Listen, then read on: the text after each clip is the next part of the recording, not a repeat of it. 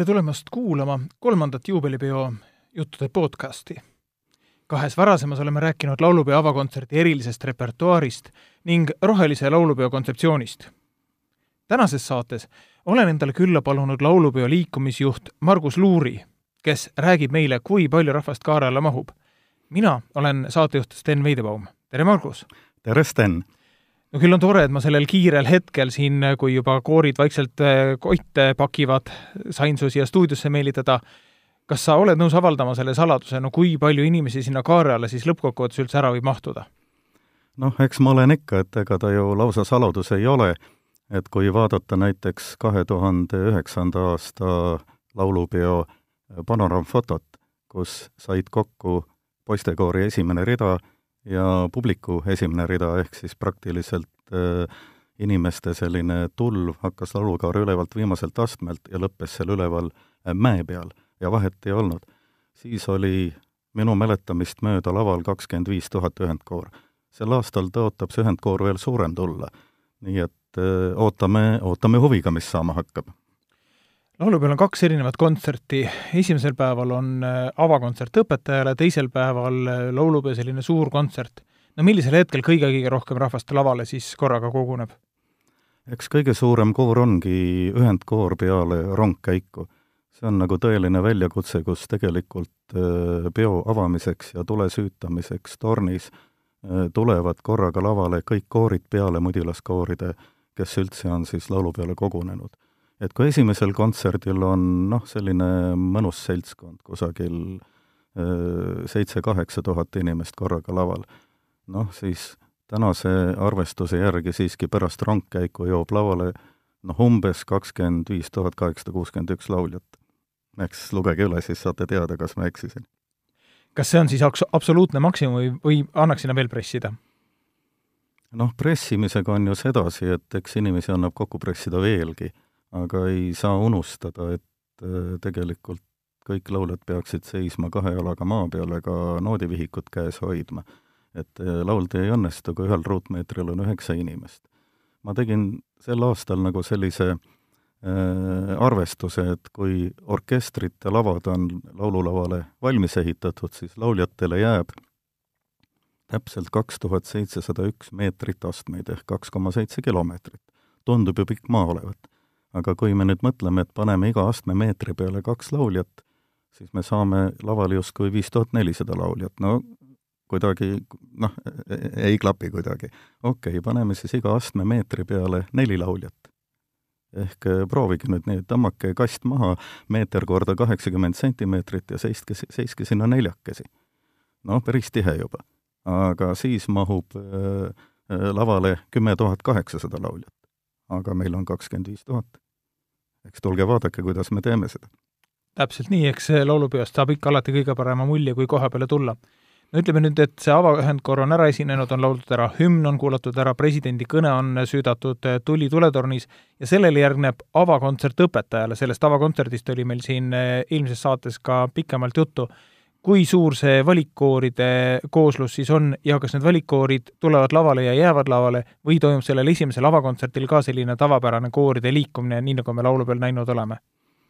Äh, sellel esimesel ava, avakontserdil toimub kooride liikumine tõepoolest, küll aga see on selles mõttes eriline, et selliseid liikumisi laulupidudel varem tehtud ei ole.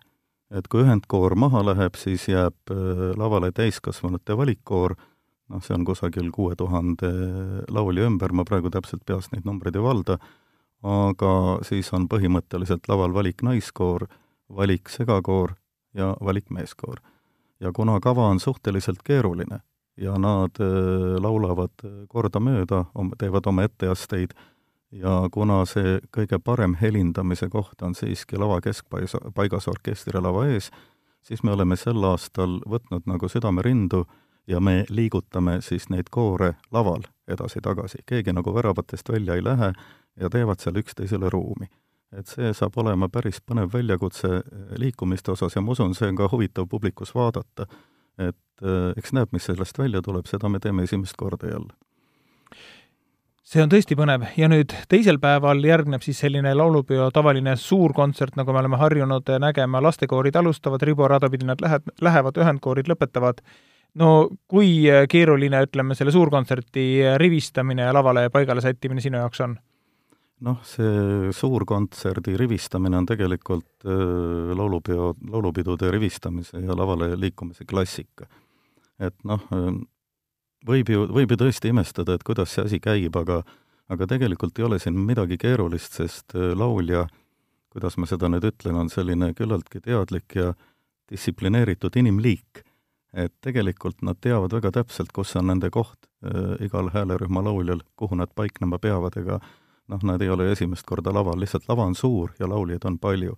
ja meie roll ongi proovides aidata siis äh, kõik lauljad äh, ja kõik äh, häälerühmad ja kõik koorid täpselt õigetes, õigetesse kohtadesse ja tegelikult kontserdi ajal see asi juba sujub päris mõnusasti, nii et ega ma seal enam praktiliselt sekkuma ei peagi kuulajate hulgas on ikkagi ka neid, kes võib-olla esimest korda laulu peale tulevad, no mida tasuks seal tähele panna, millega arvestada, kust oma äh, koor äh, või oma hääl õigemini üles leida, sest äh, koorid ju tegelikult moodustavad laval ühe suure koori, et, et oma koori liikmetest ainult oma häälerühma inimestega saab siis arvestada, saan ma õigesti aru? nojah, seda küll, et kui sa otsid nüüd mingit konkreet-, konkreetset häälerühma, siis peab rääkima, siis peab rääkima sellest, äh, millise kontserdiga ja millise paigutusega on tegu, et, et siin on nii-öelda vaenlase eksitamiseks äh, natuke eriolukordi, et kui laulab meeskoor, siis on tenorid vasakul pool publikust vaadates, kui meeskoor laulab segakooriga, siis on vastupidi jälle, siis tenorid on jälle paremal pool publikust vaadates. et läheb nagu, lähevad nagu vahetusse. ka lastekooridel on sel aastal paremaks äh, Äh, etteasteks äh, tehtud erinevaid paigutusi häälerühmade osas, valikkooride laste, lasterühmad paiknevad ühtemoodi ja ühendkoorides või siis äh, suure kooli las-, koori lasterühmad paik-, paiknevad teisiti. ega mina ei olegi sellesse väga selles mõttes süvenenud, et eks liikide juhid vaatavad need plaanid üle, mida me oma rivistajatega koostame, ja kiidavad need heaks ja siis see pärast kõik nii toimubki no need rivistajad on siis töötamas kõik kaare taga, seal on see rivistusala, kas neil on jälle sellised sildid toki otsas või, või mida sealt otsida siis tuleks, ma tean, et seal on sellised vahvad lühendid pokk ja mukk ja, ja, ja mis seal teil veel on? eks nad on jah, natukene sellise salakirja moodi näevad välja, aga tegelikult koorilauljad neid termineid teavad. ja sildid on tõepoolest, me oleme siin juba kaks või kolm pidu mõelnud, et et kas seda siltide ja, ja, ja dokkide äh, vedamist äh, nagu saaks asendada mingi innovaatilisemaga. noh, tegelikult ei ole nagu siiani välja mõelnud, meil küll on lava taga suured ekraanid, kuhu enne igat rivistust äh, kuvatakse siis äh, häälerühmade ja kooriliikide järjekord, kes raadiotorni juures rivistub, kes tuletorni juures rivistub, seda infot jagatakse aga mikrofoniga lava taga ja ka sildid on väljas, kuhu siis kuhu siis nagu lauljad kogunevad. noh, meie rivistajad on äh, õnneks juba nii pikkade kogemustega, et vaadates äh, lavaplaani, nad juba teavad täpselt, kuhu need sildid välja panna, nad teavad täpselt, kui palju on igas äh, kooriliigis, igas häälerühmas lauljaid, et nad parasjagu kolonni moodustaksid ja, ja siis ka kiiresti lavale jõuaksid, sest et ega liikumised peavad olema sujuvad ja kiired, muidu kontsert jääb seisma no kui ma tean, et minu etteaste on näiteks pärast, oletame, naiskoori, siis eh, kui pikalt enne ma peaksin seal eh, lava taga siis oma häälerühma otsima, kui eh, pikalt ette see rivista-, rivi, rivi siis üles rivistatakse? noh, reeglina me alustame rivistust viisteist kuni kakskümmend minutit enne lavale minekut. et ennem ei ole ka mõtet, noh, inimene väsib seal kohapeal seistes ära lihtsalt kas see tähendab siis teisipidi seda, et kui naiskoorid laulma hakkavad oma esimest laulu, siis on tark hakata otsida, otsima järgmistel oma, oma paika lava taga? jah, laias laastus on see nii, tõepoolest. no milline liik siis, kui niimoodi võib küsida, on kõige keerukam sinu jaoks, on see mõni kindel kooriliik või on see äkki hoopis mõni orkestriliik? noh, orkestrite rivistamisega on ühelt poolt eh, keerukam, sellepärast et neid pilliliike ja rühmasid on nagu rohkem kui ühes laulukooris häälerühmi Äh, samas nad rivistuvad ka lava all, noh, kuussada mängijat puhkpilli näiteks, kaheksasada mängijat äh, sümfooniaorkestrit või kui koondorkester äh, mängib, siis on poolteist tuhat mängijat lava peal, näiteks sada tšellot. et nad tuleb siis kõik sel hetkel ära teenindada, kes kuhu peab minema, kellel on noodipulte vaja paigaldada, kellel on toole vaja paigaldada, et see peab nagu su-, sujuvalt toimuma, et ühelt poolt tundub, et see on keerukas, aga teiselt poolt noh, igas pillirühmas on ka oma rühmavanem, kellel on lavaplaan käes ja kes viib oma rühma täpselt sinna, kuhu nad äh, paiknema peavad. et noh, no veel kord, iseenesest ei ole siin midagi keerulist, sest noh, inimesed teavad tegelikult, kuhu nad minema peavad ja proovid ongi selleks, et ka liikumist harjutada. laulud on ju selged ja tükid on selged no üks olukord kindlasti on hästi selline väljakutsete rohke, kuues juuli, kui rongkäik hakkab tulema laululavale äh,, siis ütleme, esimesed jõuavad sinna juba kell kaks, kontsert hakkab kell seitse. mis kell tuleks selle avaühendkoori äh, rivistusalale ennast äh, tagasi sättida, sest ma usun, et osad inimesed võib-olla jõuavad sealt lauluväljakult isegi vahepeal ära käia, enne kui, enne kui see kontsert pihta hakkab? noh, ma tean isegi inimesi, koorijuhte, kes marsivad kaks korda, kuna tal on kaks koori ja ta tahab mõle, mõlema kooriga marssida ja, ja ta tahab jõuda esimest korda esimese kooriga lauluväljakule, hüpata autosse, sõita kesklinna tagasi, et jõuda ka teisele ringile. no tublid koorijuhid, midagi ei ole öelda. aga tegelikult käib asi nii, et eh, kui viimane äh, rongkäigu kolonni liige on laululava eest mööda marssinud, siis me alustame kohe ka rivistusega. ja kontsert peab kell seitse pihta hakkama, mis tähendab seda, kuna ühendkoor liigub lavale täpselt Äh, kakskümmend kuus ja pool minutit, ehk siis ühendkoori lavale minek algab äh, kaheksateist kolmkümmend kolm. nii lihtne see ongi, üheksateist null null algab kontsert. no see tundub tõesti lihtne, aga no Margus, ei ole võimalik ju, et sa seda üksinda kõike teed, kui suur see sinu meeskond on selleks, et kõik see tehtud siis saaks?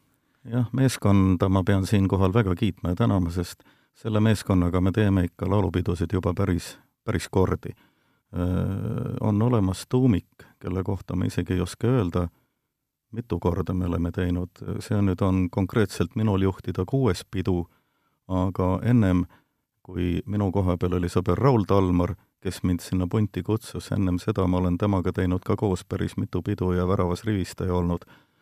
et sealtmaalt on päris mitu inimest ja samas on ka noori peale võetud, et selline mõte on, et et järgmise noortepeo tegemise võiks siis nagu noored üle võtta. Annaks neile siis selle tegemise nii-öelda prooviks ja, ja vaataks kõrvalt ja juhendaks. aga kokku on kuusteist inimest, kaks inimest lava ees, kummaski väravas kolm inimest, laval tegeleb orkestritega kaks inimest, üleval ülemise lüüsi juures on veel kaks rivistajat, kes üleval koore paigutavad, siis on kaks inimest, kes tegelevad saateorkestritega, solistide lavale saatmisega. Ja üks inimene, kes siis seal tuntud häälega äh, räägib mikrofoni, tervitab kõiki koore, kes sinna jõuavad ja hõikab välja rivistuse. sai vist kuusteist, jah? ei lugenud, aga arvestades seda, et sa tead poole minuti täpsusega, eh, millal peab hakkama ühendkoor ennast rivistama, siis ma usaldan sind täiesti pimesi.